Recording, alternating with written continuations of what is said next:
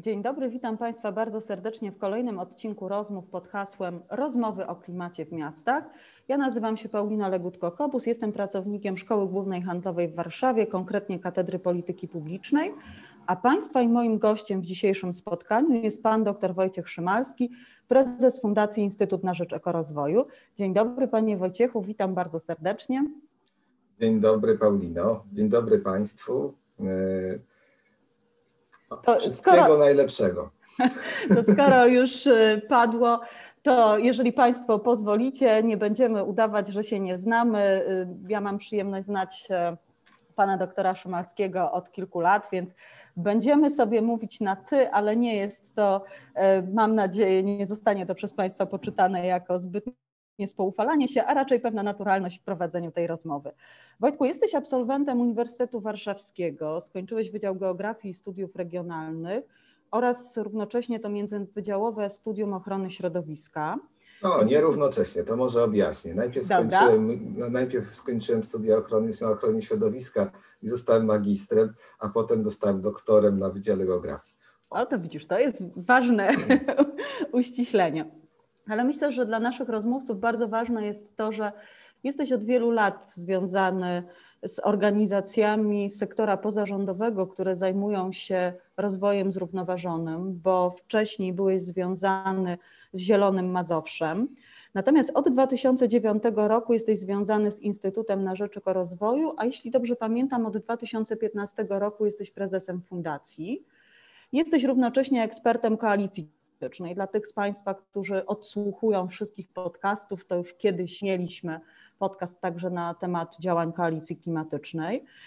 Ale tych naszych rozmów słuchają bardzo różne osoby, nie zawsze takie, które są bardzo silnie zaangażowane w działania na rzecz rozwoju zrównoważonego. Więc ja bym chciała Cię poprosić na początek naszej rozmowy, żebyś w kilku zdaniach, ja wiem, że to będzie bardzo trudne, ale w kilku zdaniach próbował, spróbował przybliżyć, Czym zajmuje się Instytut na Rzecz Ekorozwoju?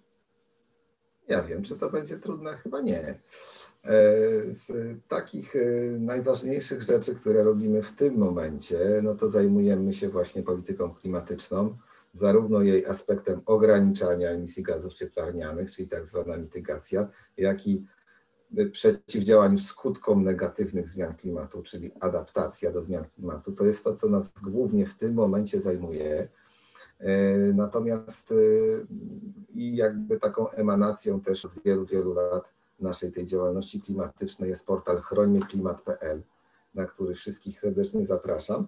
E, natomiast bardziej schodząc jeszcze na bardziej ogólny taki poziom, no to Instytut został stworzony jako tak zwany think tank, czyli organizacja, która no, ma za zadanie dostarczać idee albo przekształcać idee, które ktoś gdzieś wymyślił w taki sposób, żeby dostosowywać je do warunków tutaj naszych lokalnych, polskich.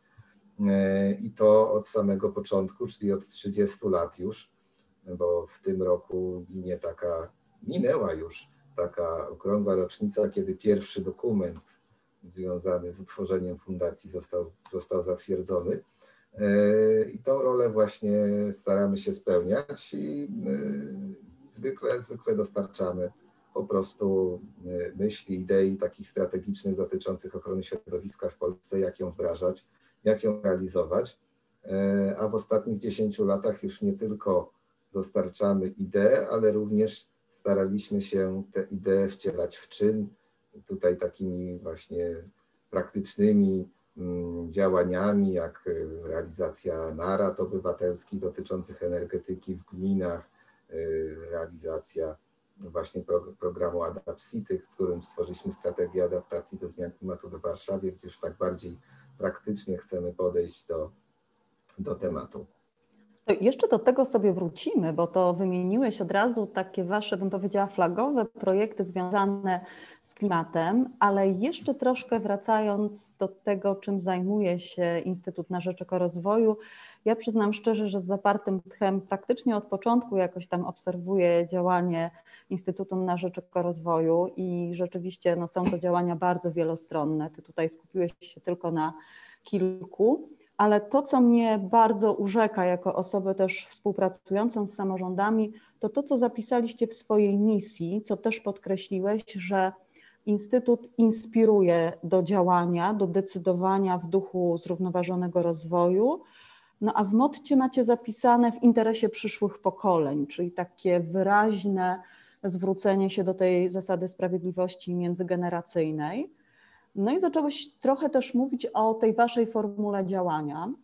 Myślę, że warto tutaj chyba też naszym słuchaczom powiedzieć, że jesteście może o tyle też wyróżniającym się think tankiem, że działacie według tej zasady 4P, czyli pomysł, promocja, pilotaż i praktyka. I z punktu widzenia działań takich proklimatycznych, rzeczywiście to chyba jest bardzo istotne i myślę, że dzisiaj sobie o tym troszkę porozmawiamy. I też mówiłeś o tym, że zajmujecie się teraz bardzo intensywnie działaniami związanymi z ochroną klimatu, ale myślę, że też warto słuchaczom powiedzieć, że to jest jak gdyby jeden z takich dziesięciu obszarów strategicznych, którymi się zajmujecie, choć oczywiście te obszary czasem na siebie zachodzą, bo tak jak chociażby patrzymy na obszar związany z energetyką, z miastami, czy ten właśnie obszar strategiczny, siódmy, ochrona klimatu, no to widać tutaj rzeczywiście takie bardzo wyraźne powiązania. A zapytam Cię tak trochę z perspektywy czasu. Czy to jest tak w Twojej ocenie, że działania na rzecz klimatu, proklimatyczne ogólnie, to rzeczywiście jest kwestia ostatnich lat, czy one były zawsze obecne w działaniach Instytutu na Rzecz Ekorozwoju, a teraz być może po prostu są bardziej widoczne? Znaczy one były obecne zawsze, w zasadzie od samego początku. E, zawsze, zawsze ten pierwiastek klimatyczny był. On był mocniejszy, słabszy, trochę też w zależności od tego, jak e, te losy polityki klimatycznej, czy światowej, czy europejskiej przebiegały. Jednym z pierwszych działań e, fundacji były, było relacjonowanie kopów Rio de Janeiro w 1992 roku jeszcze. E, I, e, I, też wtedy były bardzo intensywne działania Instytutu właśnie związane z taką polityką klimatyczną. Także, e, także to jest, to jest bardzo długa, długa, długa historia przygód z tym tematem.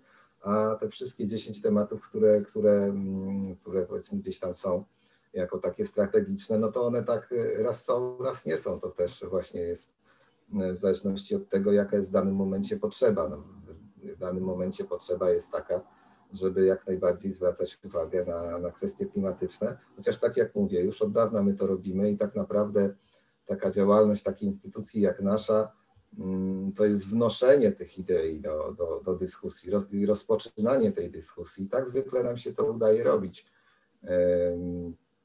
Właśnie jeżeli chodzi o klimat, politykę energetyczną, no to nasze działania takie powiedzmy ze współczesną odsłoną polityki energetycznej, tej klimatycznej, tej Unii Europejskiej, to jeszcze sięgają 2007-2008 roku, kiedy powstała pierwsza alternatywna polityka energetyczna e, właśnie u nas w fundacji, jeszcze mm, we współpracy wtedy ze, ze świętej pamięci Krzysztofem Żmijewskim. Mhm. To był taki pierwszy dokument, który w ogóle coś mówił, jak powinna wyglądać polska polityka energetyczna gdzie jeszcze państwo takich dokumentów nie miało. E, więc, więc jakby taka jest nasza rola, tak, tak, tak ją odczuwamy i zawsze staramy się z, właśnie znaleźć takie pola, które, które możemy pokazać, e, że, że, że, że w tym kierunku to powinno iść. To ma swoją cenę, bo mm, bycie pionierem nie zawsze jest e, dobre i nie zawsze jest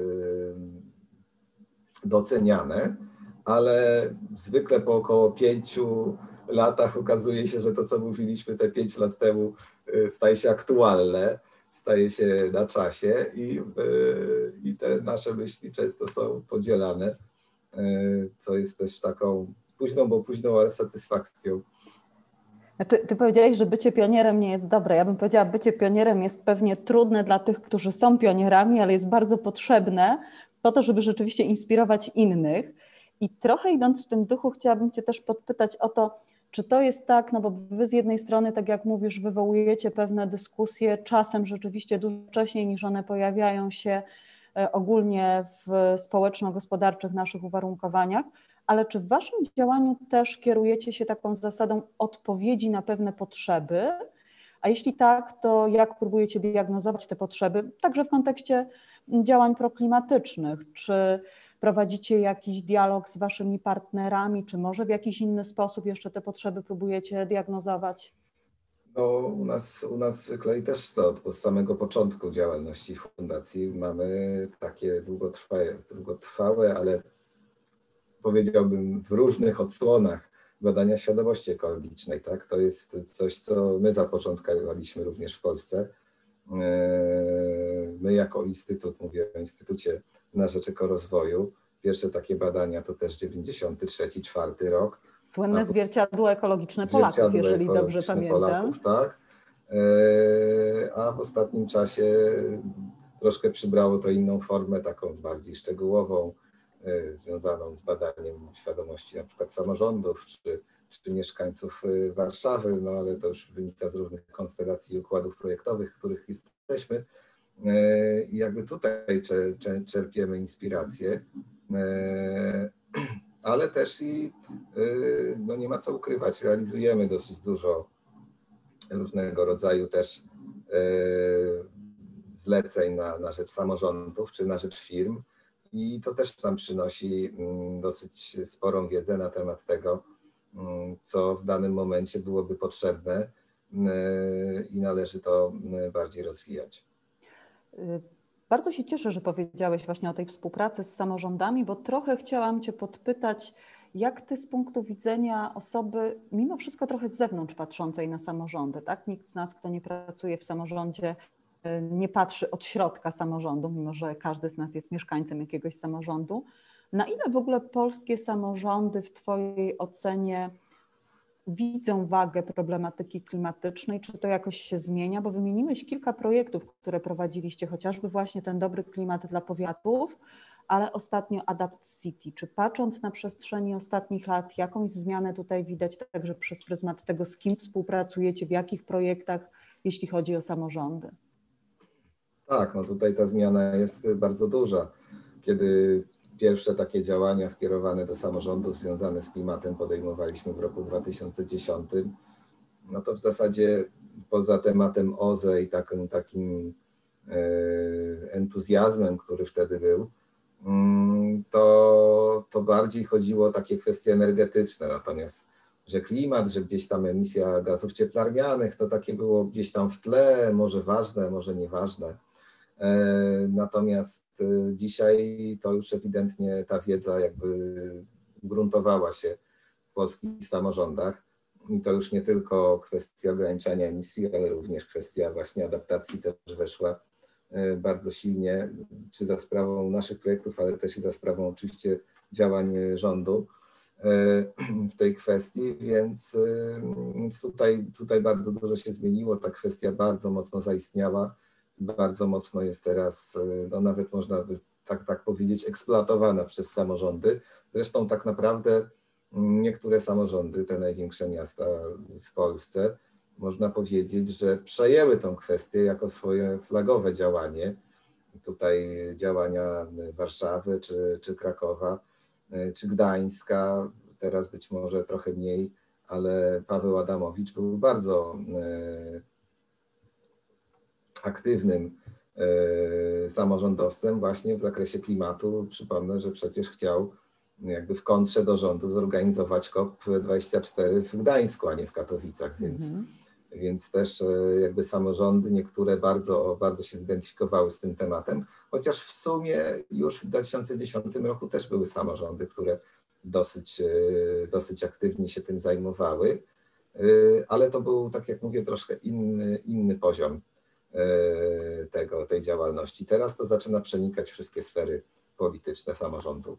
No właśnie, ale podałeś też przykłady i ja też mam takie wrażenie, że jeżeli mówimy szczególnie o problematyce adaptacji, to ona rzeczywiście bardzo silnie przebiła się w tych największych miastach. Trochę jesteśmy chyba na takim etapie, że zaczynają o niej też myśleć mniejsze miasta, czasem nawet bardzo małe.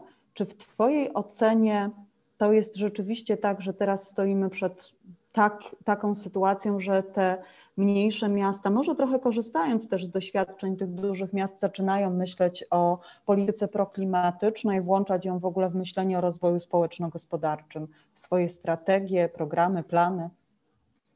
Yy, tak, z tym, że to mm, dla tych mniejszych miast nie jest takie łatwe, czy też może gmin, bo e, trzeba pamiętać, że jeżeli chodzi o, mniej, o te duże miasta, które mają pewną taką powiedzmy większą swobodę w Polsce są, mają zarówno uprawnienia y, gminy, jak i powiatu, więc, y, więc mają pewne, pewne inną organizację.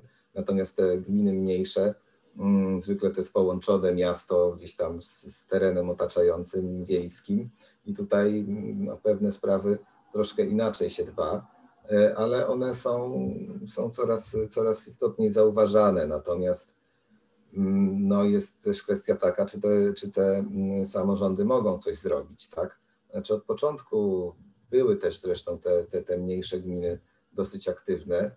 Mm, zresztą takie przykłady można wymienić. Kisielice na przykład, y, mhm. Poddębice, które, które aktywnie taką politykę lokalną, energetyczną na rzecz OZE przede wszystkim rozwijały.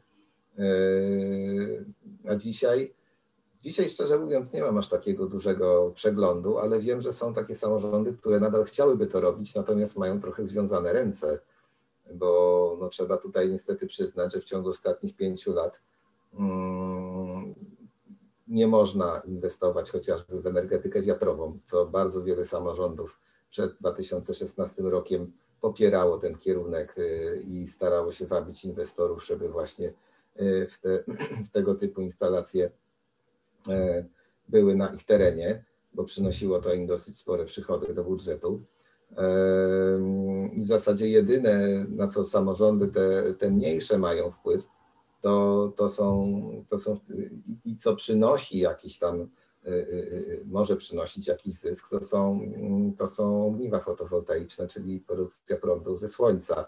Natomiast pozostałe takie kwestie, które gdzieś tam by interesowały tak bardzo intensywnie samorządy i, i przynosiły im jakąś bezpośrednią korzyść, no to jest trudniej o takie kwestie, tak? Biogazownie stały się bardzo kontrowersyjne, a z kolei wymiana pieców, no to jest wymiana pieców. Tutaj w zasadzie przejął tą pałeczkę mm, rząd swoim programem Czyste Powietrze, Czyste powietrze. a mhm. wcześniej było to realizowane w trochę inny sposób, bo były programy kierowane do samorządów przez, e, przez Narodowy Fundusz, przez wojewódzkie fundusze i to gminy realizowały tą wymianę pieców, e, miały własne programy e, tak zwanej niskiej emisji i nie można powiedzieć, że, że, że ta sprawa nie była rozwiązywana.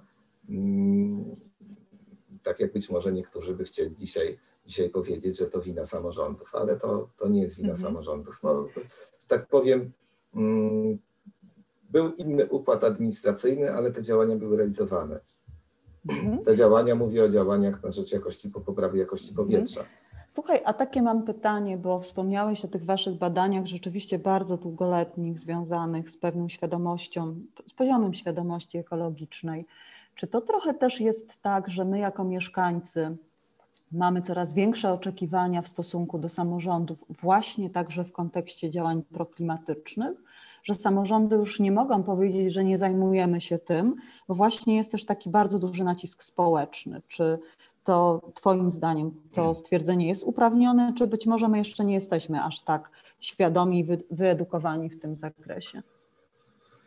Znaczy, ja mam trochę inne spojrzenie na tą, na tą kwestię. E, owszem, pojawił się młodzieżowy strajk klimatyczny e, i on jest jakby takim dosyć widocznym e, mm, społecznie ruchem, który ten klimat przywołuje. Natomiast ten ruch z punktu widzenia tego, co się dzieje w samorządach, jeżeli chodzi o energetykę, pojawił się dość późno. E, I wcześniej jednak był i nadal jest w polskim społeczeństwie bardzo duże poparcie chociażby dla odnawialnych źródeł energii, które tak naprawdę nie jest gdzieś tam ciągle zdyskontowane w jakiś sposób ani w polityce mm, krajowej do końca, ani w polityce e, lokalnej też do końca tak naprawdę mam wrażenie nie zostało w pełni zdyskontowane. I, i, i, i to jest jakby to, to jest ta jakby taka mm, brakująca trochę, trochę, trochę nić, bo to, co się dzieje tak naprawdę, co determinuje, i to też wychodzi w jakiś sposób z naszych badań, e, tych właśnie świadomości, ale nie tych świadomości ekologicznej mieszkańców Polski, tylko tej świadomości właśnie mm, liderów e, na poziomie lokalnym, samorządowym, to, że ta polityka samorządowa coraz bardziej kierowana jest poprzez to, na co dostępne są aktualnie fundusze i na co samorządy mogą dostać dodatkowe fundusze. E, a to właśnie coraz bardziej jest klimat, bo, bo, bo mhm. że tak powiem, zwiększa się zakres funduszy oferowanych przede wszystkim przez Unię Europejską, jeżeli chodzi o klimat.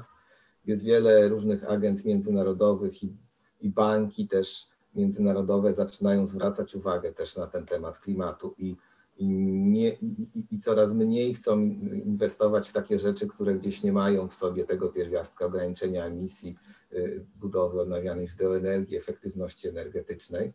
Y, I, i, I, to jest tak naprawdę takim, takim chyba mocniejszym y, bodźcem dla polskich samorządów, które, które zresztą też w ciągu tych ostatnich no, nie zawaham się powiedzieć, ale w ciągu nawet 15 czy 20 lat niestety zostały w dużej mierze mm, no, ubezwłasnowolnione trochę przez, y, przez działania zarówno y, szczebla krajowego, ale też i troszeczkę, zaryzykuję takie stwierdzenie, y, jest to też uzależnienie od tego, co robi Unia Europejska. To tu rzeczywiście chyba Myślę, że musimy postawić w tym momencie kropkę, żeby nas nie zdominowało naszej rozmowy, bo to jest fascynujące zagadnienie, to o czym mówisz, w ogóle myślenia strategicznego w polskich samorządach i kierowania się pewnymi pryncypiami związanymi z rozwojem zrównoważonym. Rzeczywiście ten Zielony Ład ogłoszony przez Unię Europejską na pewno jest dużą szansą dla samorządów, także na to, żeby zająć się kwestiami klimatycznymi, ale ja chciałabym wrócić jeszcze do konkretnie Waszych działań i chciałabym Cię troszkę podpytać o też działanie, o którym powiedziałeś, to znaczy portal Klimat. Jak oceniasz z punktu widzenia działania, które podjęliście, jego skuteczność, jego potrzebę, konieczność, efekty być może? No, y, myślę, że portal, y, on tak przechodzi swoje różne fazy też. On został założony jeszcze właśnie też w 2008 roku, mhm. kiedy tak naprawdę to ta polityka klimatyczna, taka jakiej myślimy dzisiaj, to jeszcze było wielkie marzenie. E, I w zasadzie jedyną agendą, która gdzieś poważnie myślała o klimacie, była Unia Europejska, Komisja Europejska. Natomiast my tak patrzyliśmy, a to może właśnie, jak niektórzy politycy myślą, jest to może za dwa lata, trzy lata przejdzie, ale nie przeszło. E, I portal został pomyślany jako taki portal informacyjny dotyczący właśnie polityki klimatycznej, e, chociaż też chcieliśmy dostarczać informacje naukowe e, dotyczące klimatu, ale myślę, że pozostał ten pierwiastek dotyczący polityki klimatycznej. Zresztą tutaj bardzo, no i właśnie tutaj jest kwestia, że coraz więcej jest tych materiałów dotyczących analiz związanych z klimatem i tak naprawdę no my publikujemy mniej więcej dwa, punkt, dwa, dwa, mm, dwa teksty dziennie, natomiast dzisiaj moglibyśmy w takim okresie gorącym, październik, listopad, publikować znacznie więcej tych tekstów dziennie, znacznie więcej raportów moglibyśmy omawiać, ale po prostu nie mamy takich możliwości kadrowych ani finansowych, żeby to przygotowywać, te wszystkie artykuły, więc, więc tutaj no, bardzo się rozwinęło, rozwinęły te zagadnienia klimatyczne w mediach. Zresztą widać to też i w tych głównych mediach głównego nurtu. Widzimy, że Gazeta Wyborcza co piątek e, ma specjalny dział poświęcony klimatowi. E, także ten, ten temat stał się bardzo ważny. No my powiedziałbym, że z portalu, który jako jedyny zajmował się klimatem, powiedzmy w Polsce, w ogóle jako, jako powiedzmy dostępny publicznie e, e, źródło, powiedzmy, medialne, to teraz jesteśmy jednym z wielu i, i myślę, że istnieje też takie mm, zagrożenie, że, że my tak naprawdę w tej chwili nie jesteśmy najważniejsi w tym temacie. Z jednej strony może to być zagrożenie, ale z drugiej strony różnorodność może tutaj jest e, pewną wartością dodaną, ale myślę, że warto pamiętać o tym źródle informacji, bo rzeczywiście, tak jak powiedziałeś, jest to portal, y, który ma już dość długą historię, on zresztą też się zmieniał, były tam chyba przynajmniej dwie jego wersje, dwie właściwie odsłony.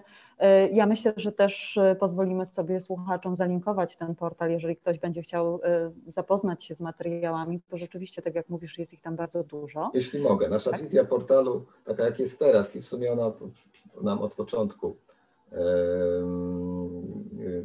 przyświecała, to jest to, żeby informować o klimacie, o polityce klimatycznej, ale też przede wszystkim o, tych, o tym, co robią organizacje pozarządowe w zakresie tej polityki klimatycznej. Także też zapraszam jakby do współpracy organizacje pozarządowe, które chciałyby na naszym portalu yy, publikować, bo też myślę, że nasz portal staje się coraz bardziej popularny, a ostatnio podpisaliśmy też yy, umowę o współpracy z Onetem, także niektóre nasze teksty lądują również na, na stronie Onetu. E, więc, więc mamy coraz większy zasięg i mam nadzieję, że to też świadczy o tym, że ten temat klimatu staje się coraz bardziej interesujący. Ja się cieszę, że poruszyłeś temat współpracy, bo mimo tego, że jesteście bardzo rozpoznawalną organizacją, to podejmujecie też różnego rodzaju współpracę. No, przedstawiając Cię, mówiłam chociażby o koalicji klimatycznej, ale jakbyś trochę więcej powiedział właśnie o różnych sieciach współpracy, w których działacie i choćby o tej jednej z ostatnich inicjatyw, bo jesteście sygnatariuszem listu do premierów krajów Europy Środkowej. To takie wyjście wydaje się też w kontekście właśnie rozmów na temat tego, czy ten kryzys, którego doświadczamy, zmieni też podejście do polityki klimatycznej. Jak ty w ogóle myślisz o współpracy w różnych e, konstelacjach też podejmowanych przez Instytut na Rzecz Rozwoju? Y, no tak, zgadza się. To znaczy, powiem tak, to też jest taka, taka, tak, tak, taki nasz, nasz rys trochę historyczny, że mm, też od początku, jako Instytut Naszego Rozwoju, na początku, gdzieś tam jeszcze w latach 90., byliśmy jedną z tych organizacji, która jako jedyna w zasadzie uczestniczyła gdzieś w tych sieciach międzynarodowych. Z tym, że jeżeli chodzi o takie organizacje zajmujące się właśnie zrównoważonym rozwojem, ponieważ organizacje zajmujące się ochroną przyrody też dosyć szybko zaczynały taką współpracę międzynarodową, ale to jest troszkę jakby oddzielna, oddzielny nurt organizacji pozarządowych ekologicznych. Natomiast my od, od jeszcze już od lat 90. uczestniczymy od samego początku w tworzeniu takiej organizacji European Environmental Bureau, która jest też właśnie taką w Brukseli stworzoną organizacją międzynarodową, która zajmuje się bardzo szeroko właśnie ochroną środowiska we wszystkich jakby przejawach. Oczywiście polityka klimatyczna też teraz tam jest obecna w tej organizacji dosyć mocno, ale, ale tam wszelkie inne kwestie i odpadowe, i, i związane z celami zrównoważonego rozwoju ONZ, i, i, i, i, na przykład zanieczyszczeniem chemikaliami, i, z jakością powietrza, i, wszystkimi takimi Mm, gdybyśmy, nie wiem, wzięli jakiś spis treści, oceny oddziaływania na środowisko, na co należy zwrócić uwagę, to pewnie znajdziemy wszystkie te tematy e, w działalności EEB właśnie. E, I my przez długi czas tam byliśmy jedyną organizacją, dopiero od kilku lat tam jest kilka organizacji z Polski, e, więc no jakby przez długi czas byliśmy takim trochę pomostem między Polską a, a, a Brukselą.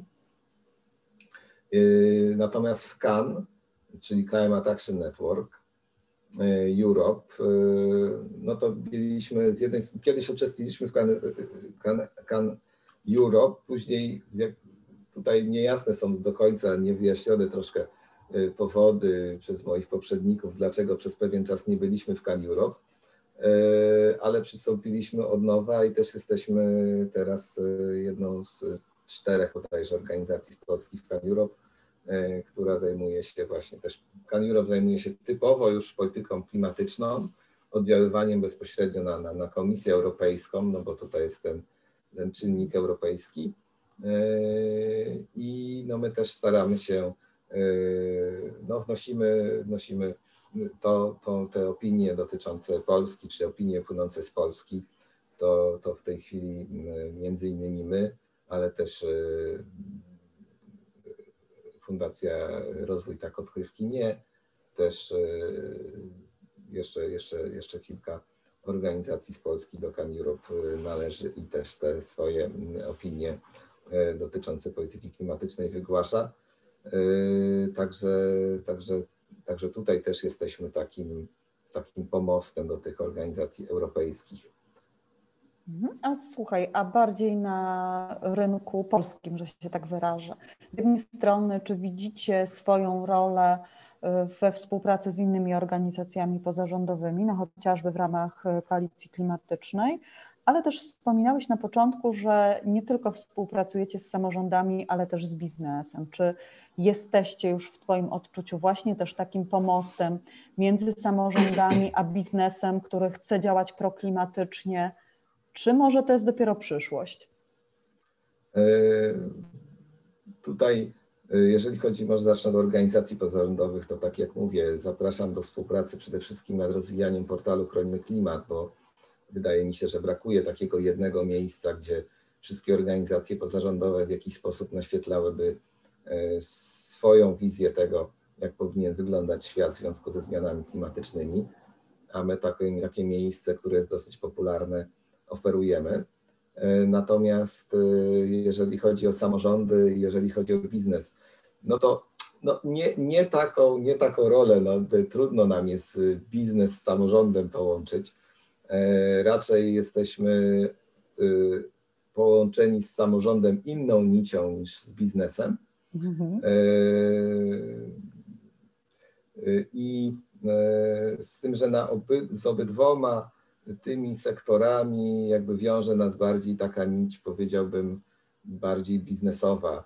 E, chociaż z samorządami nie tylko biznesowa. Rzeczywiście z samorządami w tym momencie jesteśmy mm, w stanie przede wszystkim realizować wspólne projekty, e, albo ewentualnie dostarczamy właśnie jakieś, jakąś ekspertyzę na zamówienie samorządów ale też zachęcamy samorządy do realizowania z nami wspólnych projektów, bo tutaj w tej chwili bardzo duże jest możliwości e, współpracy samorządów z takimi organizacjami jak nasza na podstawie różnych grantów, czy są to granty choćby live, z czego, z czego zresztą w ostatnim czasie głównie utrzymywaliśmy się, ale też i, i, i, i w takich nazwijmy to paranaukowych, bo nie zawsze to są naukowe, mhm. stricte pro, projekty związane z, z programem Horizon 2020. Tam jest wiele projektów takich praktycznych, gdzie trzeba coś rzeczywiście wdrożyć, co wymyślili naukowcy, a potem to ewaluować. My bardzo chętnie zajmiemy się ewaluacją. E, dobrze, żeby jakiś samorząd, właśnie najczęściej są tam samorządy jako takie e, organizacje, które zajmują się wdrażaniem bardzo wiele takich y, mm, projektów realizowała w ostatnim czasie Warszawa chociażby, więc, y, więc tutaj z samorządem jak najbardziej robimy wspólne projekty, natomiast z biznesem, no to łączy nas biznesowa nić porozumienia. Tak bym to Czyli powiedział. póki co jeszcze nie jesteście platformą, ale może wszystko nie przed jesteśmy, Wami. Nie jesteśmy platformą, a na pewno nie jesteśmy platformą porozumienia między mhm. biznesem a samorządami.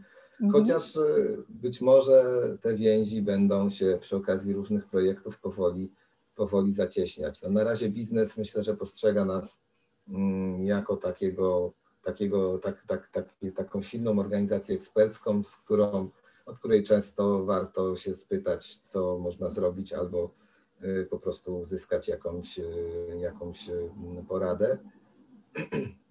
Mhm. Znaczy ja myślę, że, że to jest jednak rzeczywiście tak. kierunek, który bardzo silnie będzie się rozwijał, bo biznes też działa mocno proklimatycznie. Ja może tylko powiem właśnie w jakich obszarach tutaj z tym mhm. biznesem głównie współpracujemy. To znaczy przede wszystkim w tym momencie biznes jest zainteresowany no, liczeniem chociażby śladu węglowego i to jest główna mhm. rzecz, e, którą, którą biznes w tej chwili u nas u nas zamawia, ale my oczywiście możemy robić różnego rodzaju raporty środowiskowe, możemy robić no, jakieś, jakieś inne ekspertyzy niż tylko związane z klimatem. Także, także ostatnio miałem taką rozmowę z, z, z z osobami, które zamierzają założyć biznes dopiero i od razu pytały się, jak założyć ten biznes, żeby od samego początku no jakby wbudowany był ten element zrównoważonego rozwoju i działalności proklimatycznej w ten biznes i tutaj wymienialiśmy się pomysłami, co tutaj można by było zrobić. Także, także też tego typu rozmowy się powoli zaczynają. Mhm. E, wiesz co, ja jeszcze chciałam zapytać o jeden taki chyba bardzo ważny segment działalności Instytutu na Rzecz Rozwoju, to znaczy edukacyjne bo oczywiście bardzo silnie w tych e, kampaniach informacyjno-edukacyjnych jesteście obecni, ale różnego rodzaju projekty edukacyjne. Czy one też dotykały, dotykają kwestii klimatycznych? Jeśli tak, do kogo są kierowane?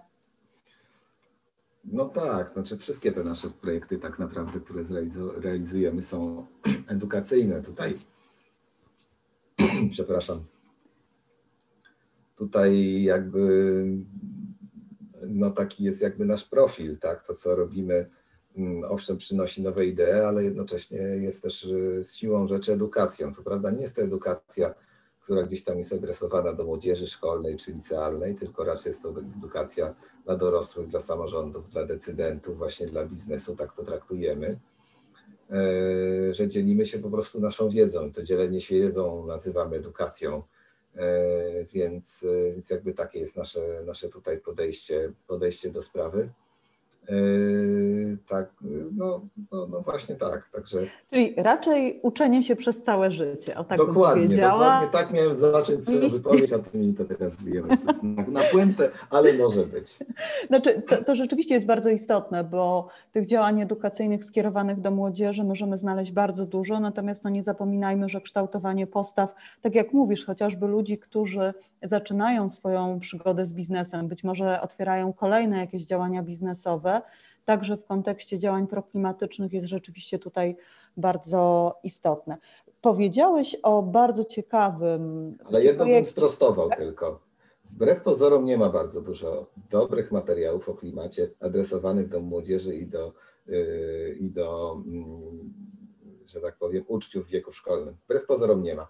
No to, to wiesz, to, może, to jeszcze może jest luka do My żeśmy kilka takich zrobili, tam WWF, jeszcze mhm. jakieś organizacje, ale nie są to materiały, które mam wrażenie też są bardzo szeroko wykorzystywane. To myślę, że jest chyba głównym e, problemem. Ale mhm. też i wydaje się, że nie ma więcej, czyli tak mhm. naprawdę no, gdzieś tam być może na palcach jednej, może dwóch rąk takie materiały się policzy w Polsce. A ja chciałam troszkę zahaczyć o to, co mówiłeś, to znaczy ślad węglowy, bo rzeczywiście wyprowadzicie też e, takie projekty, realizujecie zlecenia związane z śladem węglowym. Czy możesz coś powiedzieć na przykład, którym samorządom, czy w ogóle samorządy są zainteresowane tym, żeby myśleć o swojej działalności też przez pryzmat śladu węglowego, czy to raczej właśnie biznes, czy może i samorządy, i biznes?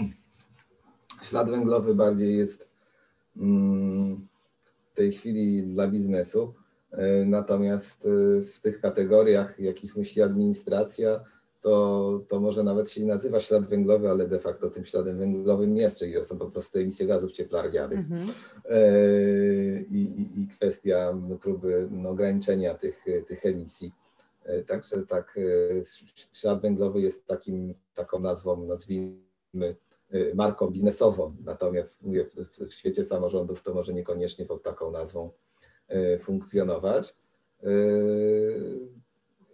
No i tak, no, samorządy w tej chwili tak naprawdę są do pewnego stopnia zmuszone co jakiś czas liczyć sobie tą emisję gazów cieplarnianych poprzez to, że, że są takie, a nie inne wymagania choćby polityki klimatycznej Unii Europejskiej, a potem ta polityka przekłada się na politykę polską i w efekcie trzeba na przykład stworzyć plan gospodarki niskoemisyjnej mhm. albo, albo, no właśnie, nie wiemy jeszcze, jakie w najbliższym roku trzeba będzie stworzyć dokumenty, żeby zjeść fundusze nowe europejskie, ale jakiś dokument pewnie będzie trzeba stworzyć i też policzyć tak naprawdę emisję gazów cieplarnianych, czyli właśnie ślad węglowy.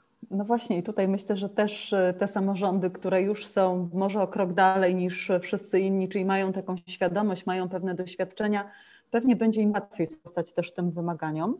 Ale ja bym Cię chciała zapytać już tak powoli. No to ja tylko może powiem, że to połowa samorządów w Polsce zetknęła się z kwestią liczenia śladu węglowego. Także to, to jest bardzo, to tak. duży, to jest bardzo duży, bardzo duży, mm, duży, duży zakres. Już ja... ludzi o tym wie. Dobrze, bardzo Ci dziękuję.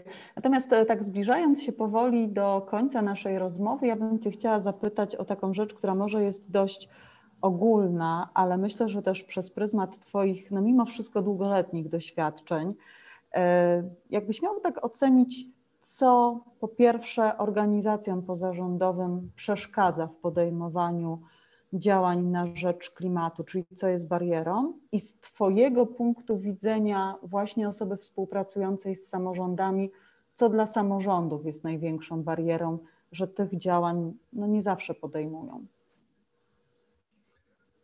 No to może tak. Y, mogę porównać NGOsy do marzycieli.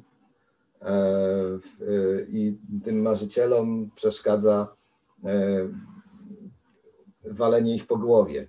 A tak w tej chwili wygląda e, sfera dyskusji publicznej w Polsce, że to jest tak naprawdę okładanie się po głowie albo zdechłą rybą, albo połamanym kijem. I w takiej dyskusji, że tak powiem, my nie lubimy brać udziału wolimy brać udział w dyskusji rzeczowej, uporządkowanej, gdzie, gdzie można wnieść y, racjonalne argumenty, a nie tylko pryskać jadem i opluwać się wzajemnie. E, a niestety właśnie ta, w takim kierunku coraz bardziej poszła dyskusja publiczna w Polsce, a przede wszystkim ta dyskusja, która toczy się w mediach. Mhm. Więc, e, a jednak my bardzo często korzystaliśmy i korzystamy oczywiście z mm, z, z możliwości wyrażania naszych poglądów poprzez media. No, ponieważ ta, ta możliwość no, jest taka dosyć teraz mm, nie zawsze przyjemna, to tutaj bardzo trudno się, się, to, się, tą, dyskusję, się tą dyskusję prowadzi. I to jest, i to jest tak. Natomiast jeżeli chodzi o samorządy, no to samorządy, jeżeli chodzi o Polskę, to zwykle były taką maszynką do rzeczywistej realizacji e, i wdrażania tych rzeczy. I to, co samorządom głównie przeszkadza, no to jest e, fakt, że one pewnych rzeczy po prostu nie mogą zrobić. Oczywiście z różnych względów. E, zresztą w naszych badaniach widać, że się często do tych względów nie przyznają, to znaczy do tego, że na przykład nie ma pieniędzy wystarczająco dużo, ale można powiedzieć, że też zawsze tych pieniędzy nie ma wystarczająco dużo, ale... No, kołdra zawsze jest za krótka. Tak, no kołdra zwykle jest za krótka, ale, ale to, co myślę, że przeszkadza w tym momencie najbardziej, jest to, że tak naprawdę samorządy w Polsce, tak jak już zacząłem trochę mówić, coraz mniej mogą. A nawet jeżeli mogą, to czy coś im się umożliwia, to to umożliwianie jest takie na mój gust bardzo kulawe.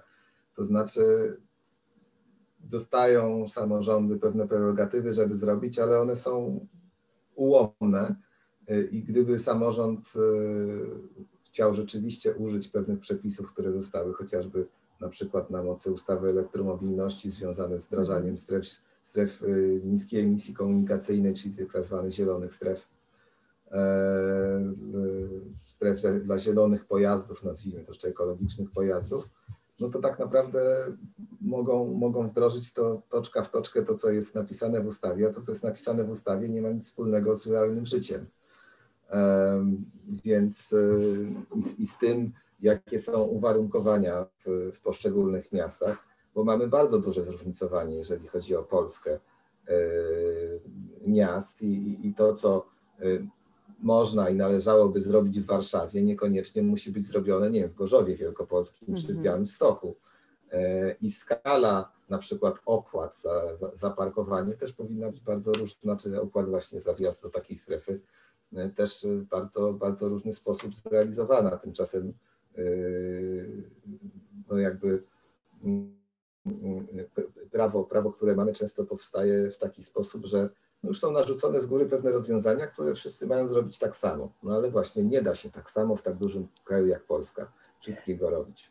Czyli raczej szedłbyś w tym kierunku, że pewne ramy, owszem, na poziomie kraju, natomiast zostawienie dużej dowolności miastom czy szerzej samorządom, jak te ramy zastosują właśnie w taki sposób, żeby mogły uwzględnić tą swoją specyfikę, chociażby tak jak tutaj mówisz, jeśli chodzi o elektromobilność, ale nie jest to pewnie jedyny przykład, bo też działania adaptacyjne do zmian klimatu szerzej rozumiane także.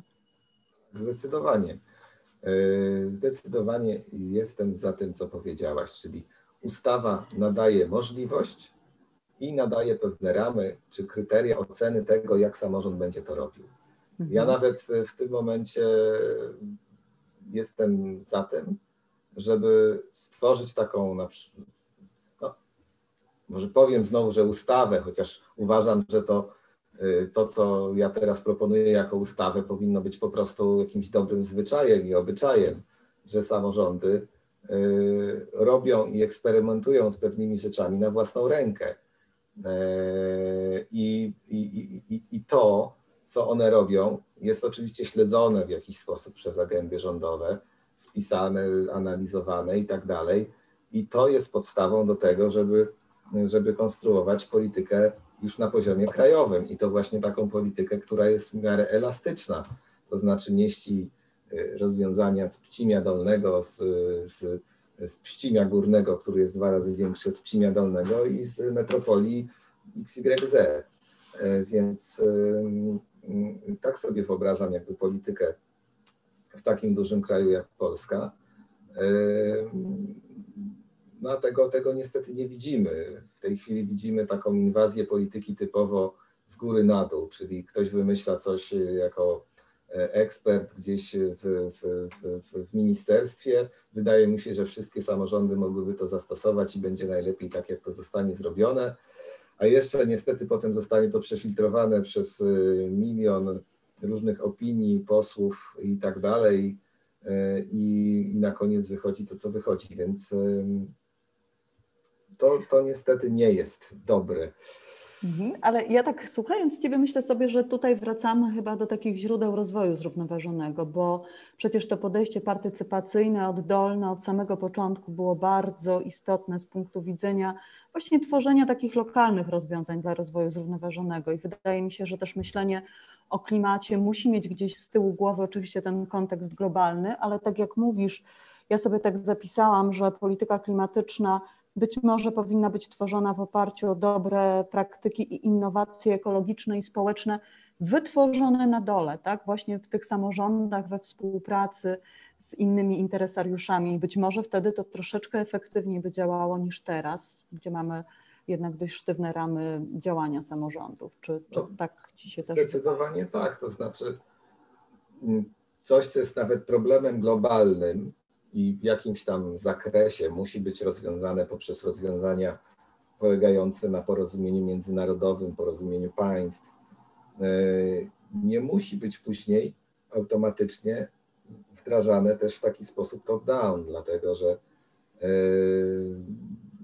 że, że, że, że no, tych pomysłów na rozwiązanie w różnych miejscach świata może być dużo więcej niż w 200 krajach świata. E, więc, e, więc musimy być na te pomysły otwarci i na tym polega piękno i różnorodność świata i właśnie naszego rozwoju, że jesteśmy w stanie znaleźć bardzo wiele rozwiązań dla jednego problemu. E, później oczywiście musimy zadbać na to, żeby te rozwiązania, które okazują się w jakimś tam stopniu najlepsze, najbardziej korzystne, stały się bardziej powszechne. W zasadzie to i tylko to. Mhm. A idąc trochę dalej tym tropem, to znaczy myśląc może już troszkę szerzej o rozwoju zrównoważonym, jak w Twojej ocenie zmieni się postrzeganie celów rozwoju zrównoważonego, w tym celów związanych z działaniami proklimatycznymi, z polityką klimatyczną w kontekście kryzysu związanego z epidemią COVID-19? Bo o ile na początku były bardzo duże obawy, jak zareaguje biznes, jak będą reagowały poszczególne samorządy, no jak nawet będą dystrybuowane środki. Tak w tej chwili chyba wydaje się, że nie jest to aż takie duże zagrożenie, ale może w Twojej ocenie troszkę inaczej to wygląda. Czy COVID-19 rzeczywiście zrewiduje nasze podejście do rozwoju zrównoważonego, do polityki klimatycznej? tu odpowiedź też nie jest łatwa, ale powiem tak. To wiesz, łatwych pytań tu nie ma. Powiem tak, to zależy jak bardzo zbiedniejemy. Jeżeli przez tą pandemię przejdziemy w taki sposób, że będziemy się czuli, że bardzo zbiedliśmy, to podejrzewam, że cokolwiek byśmy nie robili, jak bardzo byśmy nie apelowali o to, żeby, żeby, żeby nie zwiększać emisji, to to odbicie emisji jakieś będzie. Natomiast jeżeli nie zbiedniejemy jakoś bardzo, to wydaje mi się, że, że, że będzie bardzo duża szansa, że rzeczywiście ten odbudowa po pandemii będzie, będzie szła bardziej ekologicznym kierunku. No bo niestety w tym momencie mm, takim czynnikiem zmiany mm, są pieniądze e, w większym stopniu niż, niż ludzie. E, mm, tak, tak, tak ukształtowaliśmy sobie, przynajmniej w Europie tak politykę sobie ukształtowaliśmy. I, e, i, to, i, to, I to niestety pieniądze decydują o tym, e, co będziemy robić. Przecież bardziej ci, którzy zadecydowali, na co te pieniądze mają być przeznaczone. Oczywiście to gdzieś tam w ogólnym rozrachunku są ludzie. W tej chwili mamy na, na górze tych ludzi, którzy, którzy nie negują kwestii klimatycznych, Mam nadzieję, że tak będzie jak najdłużej i nawet jak się ten garnitur wymieni, to nadal te kwestie klimatyczne będą, będą bardzo ważne. Wydaje mi się, że to już jest zresztą nie ma tej ucieczki.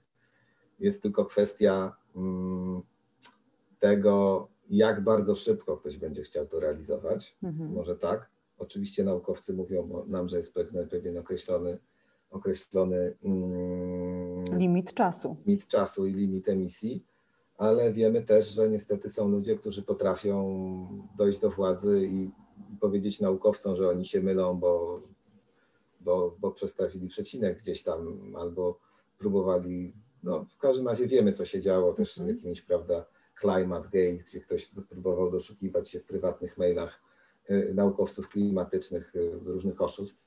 Y, więc, więc takie, takie rzeczy też mogą być.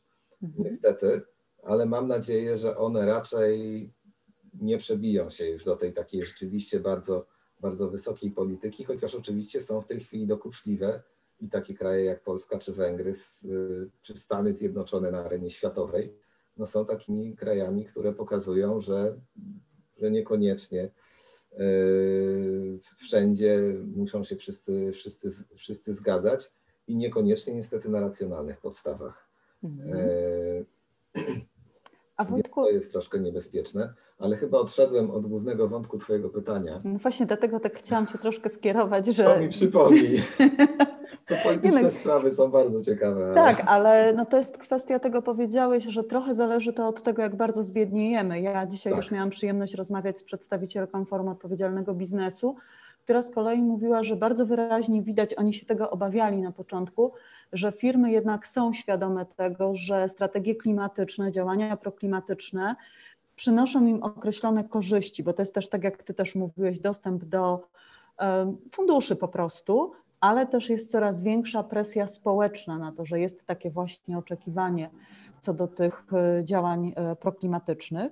Ja bym Cię tak chciała zapytać, kończąc naszą rozmowę, a jak Ty widzisz rolę konkretnie Instytutu na Rzecz Ekorozwoju w najbliższych dwóch latach, w całej tej dyskusji toczącej się o klimacie, w działaniach klimatycznych? Czy widzicie jakieś tu swoje nowe działalności, czy raczej kontynuację tego, co do tej pory? No, ja mam takie zwykle założenie w życiu, że nawet jeżeli coś jest nowe, to jest kontynuacją starego.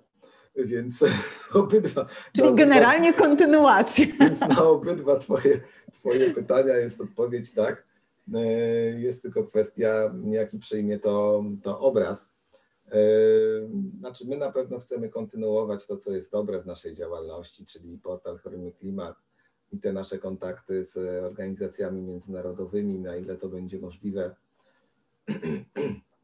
I e, widzimy tutaj dosyć duży potencjał, żeby, znaczy w ogóle, jeżeli chodzi o Polskę, to no nie mamy jeszcze takiej sytuacji jak w wielu krajach Europy Zachodniej, być może w niektórych też już krajach mm, środkowej Europy, że jest jednak pewna taka synchronizacja, że nawet jeżeli, mm, że, że, że organizacje pozarządowe też w pewnym sensie reprezentują na arenie czy europejskiej y, swój kraj i, i ta dyskusja krajowa odbywa się między organizacjami a rządem i później te organizacje też rozmawiają trochę osobno z Komisją Europejską i gdzieś tam dochodzi do pewnej w końcu synergii raczej niż takiego boksowania się, które w tym mamy obecnie.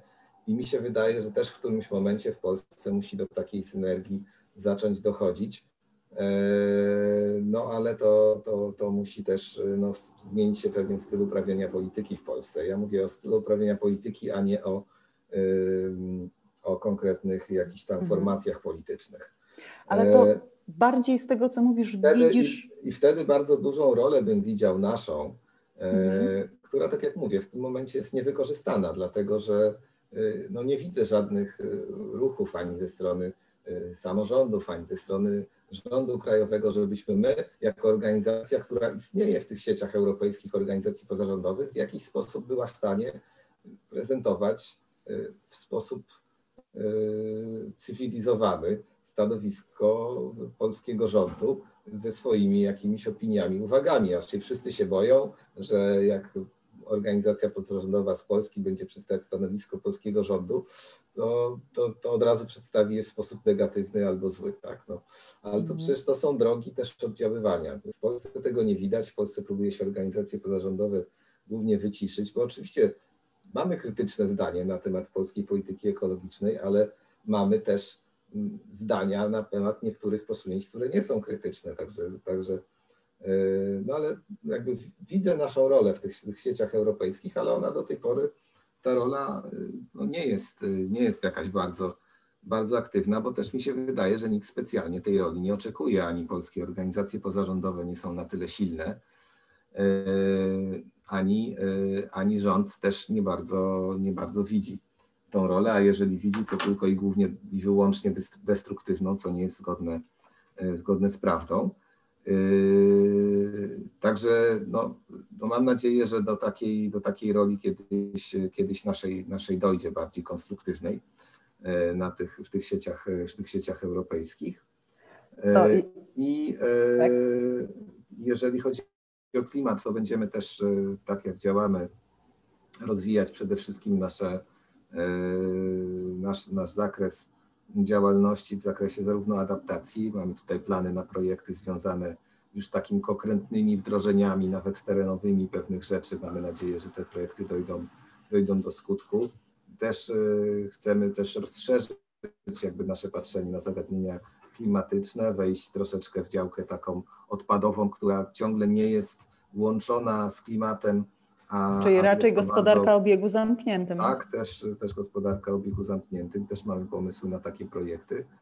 E, no i oczywiście nadal będziemy edukować. Mamy teraz, e, dopiero co dostaliśmy projekt e, związany z edukacją właśnie dla osób starszych o klimacie, więc więc w, w tym kierunku będziemy, będziemy nadal podążać. Także kontynuacja, a jeżeli się da, to rozwój, przede wszystkim widzę tutaj rozwój w kierunku e, właśnie e, większego sieciowania się z, z może nie większego, bo sieciowali już jesteśmy, natomiast bardziej ścisłego i bardziej, bardziej większego wykorzystania właśnie takich sieci europejskich w, nie tylko na naszą prywatną korzyść, że tak powiem, jako fundacja, ale też na mhm. korzyść w jakiś tam sposób e, Polski. Mhm. To ja bardzo Ci dziękuję za rozmowę. Dziękując, na koniec chyba chciałabym złożyć życzenia, bo z tego, co mówiłeś, to rola, którą gdzieś tam dla siebie widzicie, to jest takie bycie ambasadorem polityki klimatycznej Polski na arenie międzynarodowej, ale też dyskusja o tej polityce klimatycznej. Bardzo bym chciała, żebyście taką rolę właśnie pełnili, także w duchu tego inspirowania do podejmowania różnych działań, że te inspiracje będą się przebijać do bardzo różnych środowisk. Dziękuję Ci bardzo za rozmowę. w dzisiejszym spotkaniu rozmowy o klimacie w miastach Państwa i moim gościem był pan dr Wojciech Szymalski, prezes Fundacji Instytutu na Rzecz Ekorozwoju. Dziękuję Ci za usłyszenia. Dziękuję bardzo, dziękuję Państwu bardzo za wysłuchanie tej audycji.